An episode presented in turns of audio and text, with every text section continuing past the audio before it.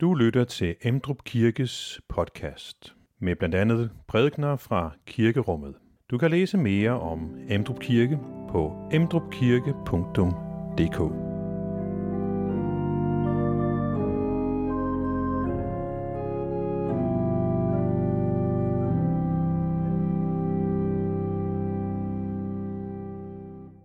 Glædelig påske. I dag skal vi fejre Jesu opstandelse. Og øh, som overskrift har jeg sat opstandelsestroens tre søjler. Der er nemlig tre fakta, som vores opstandelsestro bygger på og hviler på, som vi skal være sammen om i dag. Det glæder vi os til, for det er jo ikke en opdigtet historie, vi fejrer. Nej, kristendommen bygger på historiske hændelser. Graven var virkelig tom.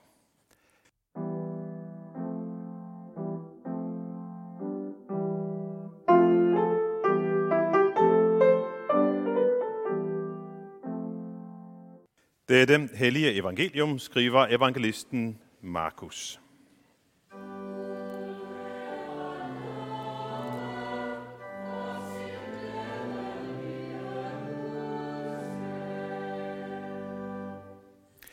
Da sabbaten var forbi, købte Maria Magdalene og Maria, Jakobs mor, og Salome vellugtende salver for at gå ud og salve ham.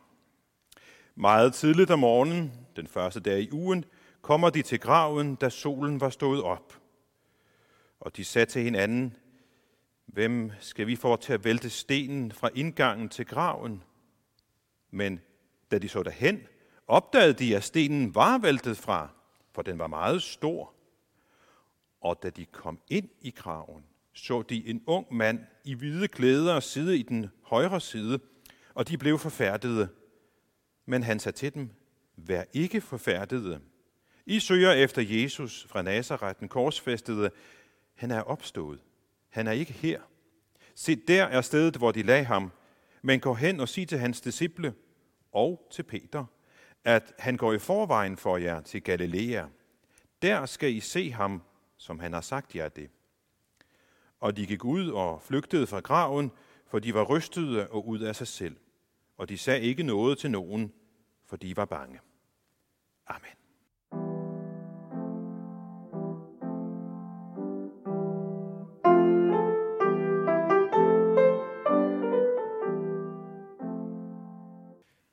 Har du tænkt på, har du tænkt på, at øh, hvad du tror på kan ses af din kørsel?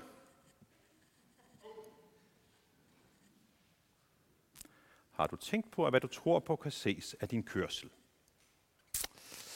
Ja, nu tænker I, hmm, hvordan hænger det sammen med påsken? Jo, lad mig forklare med et lille eksempel fra mit eget liv. Vi skal 13 dage tilbage. Mandag aften i øh, sidste uge, så var vi på besøg i Græsted hos nogle gode venner. Og omkring 22-tiden, så er vi på vej hjem. Jeg kan se, at der er faldet en smule sne, og displayet i bilen viser risk of ice omkring 1-2 grader. Så plejer den at komme med sådan et bip og sige, mm, pas lige på. Og jeg er på det tidspunkt i tvivl. Jeg har ikke en stærk tro, jeg har en svag tro. Jeg har, er i tvivl, hedder det, på om motorvejen er glat, eller den ikke er glat. Jeg vælger en øh, gylden mellemvej og kører med reduceret hastighed. I kender det jo godt. Hvis man tror, at det er glat, så kører man jo med en lavere hastighed, end hvis man tror, at det ikke er glat. Hvis man kommer kørende på motorvejen, og alle de andre kører 70, så tænker man, hvad? Hvad laver de? Hvorfor i verden kører det så langsomt? Men deres tro, eller deres kørsel, giver rigtig god mening, hvis man forstår, at de tror, at vejbanen er glat. Nå, den aften så kører jeg så sådan semi langsomt, øh, og vi nærmer os farven. Masser af blåt blink. Hastigheden endnu længere ned, og vi passerer det her blå blinkende område med lav hastighed og kan se glat føre ulykke. Jeg kører på det tidspunkt 60 km i timen, passerer, og så kommer der endnu en bro. Og så gør bilen, jeg kører lige ud, men bilen laver sådan et, skrider lidt. Meget ubehageligt. Det var totalt spejlblank glat der på den her bro. Jeg får bilen under kontrol, og resten af vejen ind til København kører med lav hastighed. Men jeg kan se på mine medtrafikanter, at de skifter lidt tro undervejs. Og det kan ses, at jeg fortsætter med de der 60-70. Det er jeg ikke ene om, men, men det er ikke alle, der har samme tro som jeg i hvert fald. Den aften kan jeg se. Jeg hørte så efterfølgende, at lige præcis den her strækning med de der to broer omkring Farum efterfølgende blev lukket af politiet, fordi det var så, så glat der. Så nu forstår jeg altså, at tro og kørsel hænger sammen. Ja. Og min påstand i dag er så, at det samme gælder for opstandelsestro. Måske ikke så meget med kørslen, men, men opstandelsestroen og livet, altså hvordan vi lever vores liv, hænger sammen. Jeg tror, at det har en væsentlig indflydelse på vores liv, hvorvidt vi tror, at Jesus opstod virkeligt fra de døde, eller ej. Fordi det hænger jo uløseligt sammen med, om vi tror på, at vi selv en dag skal opstå fra de døde, eller ej.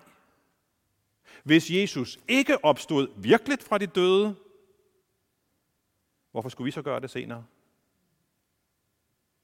Men hvis han virkelig opstod fra de døde, og det, øh, bare lige for at sige, det mener jeg, så har det vel en enorm indflydelse på vores tro på, er der et liv efter dette liv? De kvinder, vi læste om fra Markus, de tror ikke de tror ikke, at Jesus vil opstå fra de døde i første omgang. Det afslører deres liv. For hvad gør de? Jo, lørdag aften, efter sabbaten er forbi, det er omkring sekstiden, så går de ud og køber nogle salver og urter og andet. Hvorfor det? Jo, men de skal, planen er, at de dagen efter skal ud til graven for at salve skal de tænke, har de tænkt sig at møde Jesus i døren, og så salve ham, når man kommer ud af graven, eller hvad har de tænkt sig? Nej, selvfølgelig har de tænkt sig, at han er død. Der er absolut ingen opstandelsestro i deres adfærd.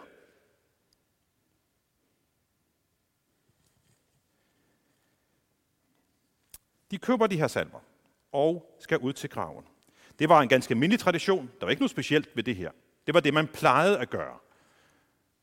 Og øh, man gik ind også ind i graven, øh, typisk øh, i de første par dage efter begravelsen, for at sikre sig, at den øh, døde virkelig var død. Det var der så ikke et problem i Jesu tilfælde, fordi det var blevet konstateret meget grundigt på korset. Så, altså, kvindernes indkøber salver, deres gåen ud til graven, afslører deres manglende opstandelsestro. De tror ikke, at Jesus skal blive levende igen. Tro og adfærd hænger sammen.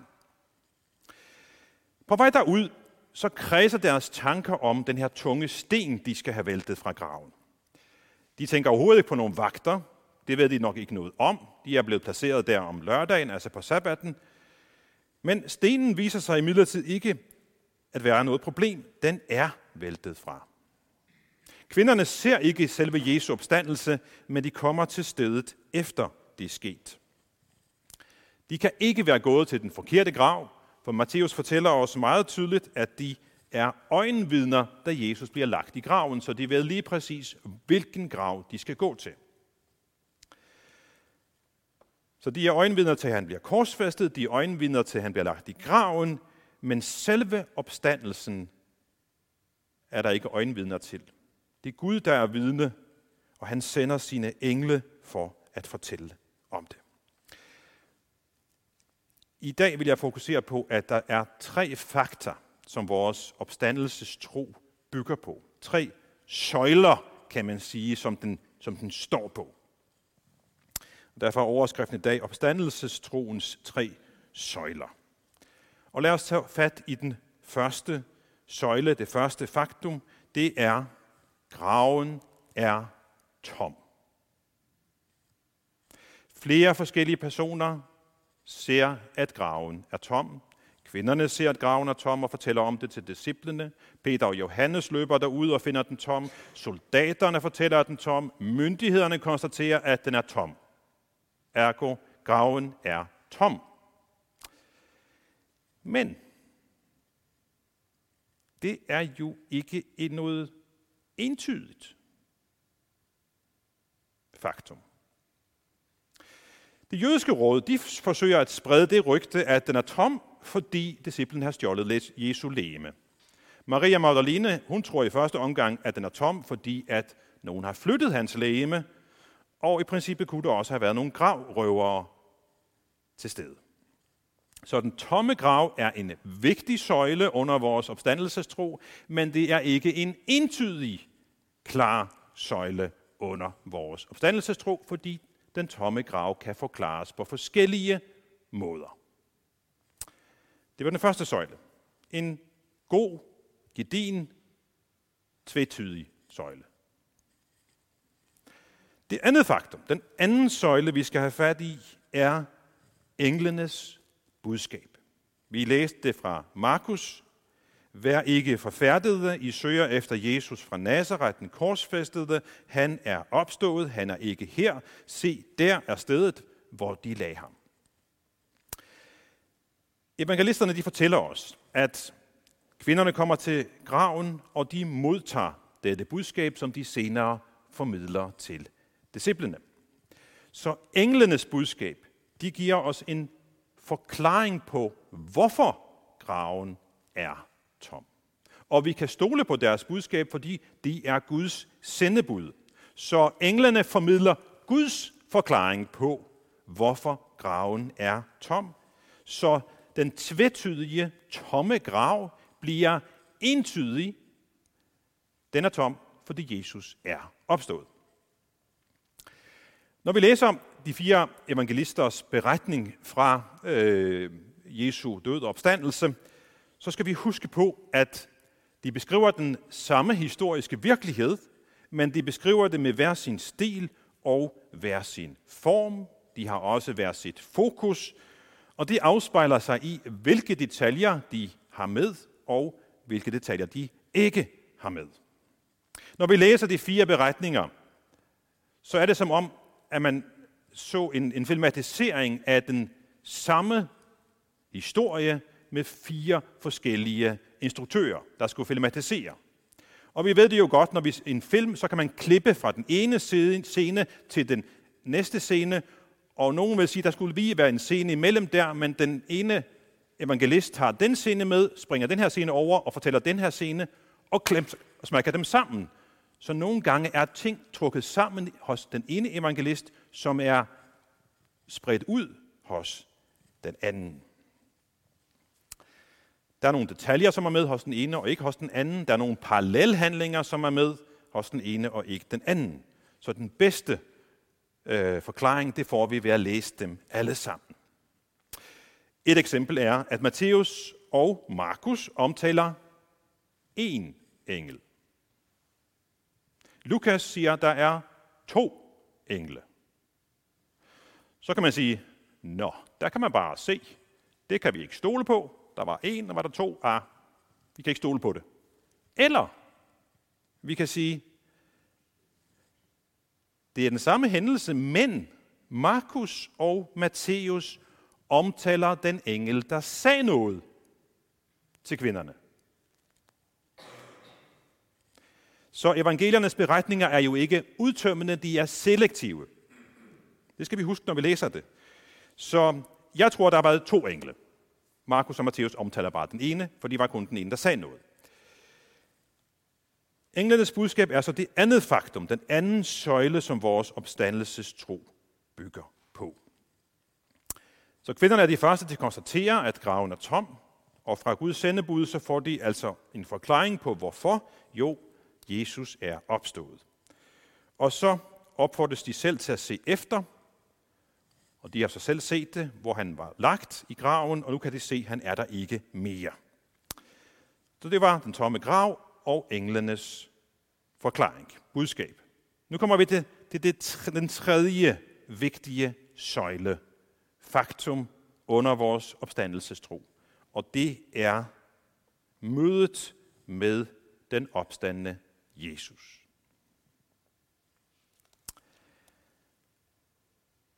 Efter sin opstandelse, så viser Jesus sig for Maria Magdalene. Han viser sig for en gruppe mennesker, han viser sig for enkelte disciple, han viser sig for de fleste disciple, han viser sig for alle 11 disciple, han viser sig for 500 mennesker på en gang, og så videre. Og alle de her møder er blevet beskrevet i vores Bibel. Vi får at vide, at Maria Magdalene hun genkender ham, når han siger hendes navn. De andre kvinder de møder Jesus på vej væk fra graven, genkender ham og tilbeder ham, når han hilser dem. Samme aften så får øh, disciplene lov til at møde den opstande, hvor han viser dem sine, sine hænder, han viser dem såret i sin side, og de genkender ham med stor glæde. Men det er meget tydeligt, at ingen af dem havde forventet det, at møde Jesus igen i live. De er fuldstændig uforberedt på det, de er rystede, de er chokerede, og de her møder med Jesus er blandet med mange forskellige følelser. Frygt og forfærdelse, tro og tvivl og tilbedelse og glæde. Beretningerne fortæller os også klart og tydeligt, at Jesus er opstået med en krop. Den samme krop med navlemærker, med såret i siden. De kan mærke ham, de kan omfavne ham, de kan se, at han spiser. Han er ikke blevet til et spøgelse. Han er den samme Jesus med krop. Han kender dem, han elsker dem som før. Så disse mange beretninger om møderne med den opstandende er det tredje faktum, den tredje solide søjle under vores opstandelsestro. Men så kommer der lige et men igen. Siger englen ikke til dem hos Markus, at de skal tage til Galilea? Hvorfor gør de ikke det?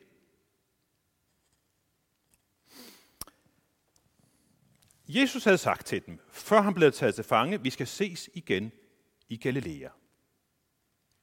Englen siger, de skal ses i Galilea. Jeg tror, jeg tror, at meningen er, at disciplene skal gå i tro til Galilea og der møde Jesus. Men at den plan ikke lykkes. På grund af deres vantro. Deres vantro afslører deres ord og handlinger, og de åbenbart ikke har nogen intention om at gå til Galilea. Og derfor vælger Jesus at åbenbare sig for dem allerede i Jerusalem flere omgange, og så mødes de i Galilea. De tre fakta altså, de tre søjler, var altså den tomme grav, englens budskab og møderne med den opstande. Men så er der lige et ekstra nummer i, aften, i dag også. Der er lige et bonus. En faktor, vi skal have med også. Og det er nemlig forandringen i disciplenes liv. Efter Jesus er taget til fange, og helt frem til søndag morgen er Jesu disciple tydeligvis præget af frygt og modløshed. Ved tilfangetagelsen så flygter de, og Peter fornægter ham. De gemmer sig af frygt for jøderne. De er fyldt af frygt, opgivelse, modløshed, skam og skuffelse. Men så pludselig er de totalt forandret. Den Peter, som tidligere har svigtet og fornægtet, træder pinsedag frem med overbevisning, mod og kraft og forkynder om Jesu opstandelse. Peters opstandelsestro bliver synlig i hans liv. Tro og liv og hænger sammen ligesom tro og kørsel. Som jeg var inde på i øh, skal torsdag, så tror jeg, at vi i en vis udstrækning kan identificere os med disciplene. Også med Peter. Og jeg tænker, at vi kan opmuntres af, at Peter på trods af sine mange fejltagelser, tåbeligheder, misforståelser, svigt og fornægtelser, fortsat kan forblive Jesu disciple. Og samtidig så synes jeg også, at vi udfordres af den enorme dynamo, som han bliver efter Jesu opstandelse. Så at Jesus kom tilbage, at Jesus opstod fra de døde, forandrede det hele for Peter. Han blev genoprettet, han blev udsendt, han blev udrustet af Gud Helligånd til tjeneste, og han skriver senere i sit brev, Lovet være Gud, vor Herre Jesu Kristi Far, som i sin store barmhjertighed har genfødt os til et levende håb ved hvad? Jo, ved Jesu Kristi opstandelse fra de døde. Det er det, der er afgørende. Mødet med den opstandende Jesus forandrede Peter. På grund af Jesu opstandelse fik Peter dette livgivende, dette livsforvandlende, levende håb. Og det kunne ses i hans liv. Ikke bare i Peters liv, men i alle disciplenes liv. Der forandredes deres liv fra frygt til ja, nærmest frygtløshed. Deres modløshed afløses af imponerende mod. De er ikke længere præget af opgivelse, men de er fyldt med forventning. Deres svigt vendes til troskab, selv under modstand og med døden som pris. Denne store forandring i deres liv skyldes helt klart mødet med den opstandende og Gud Helligånd.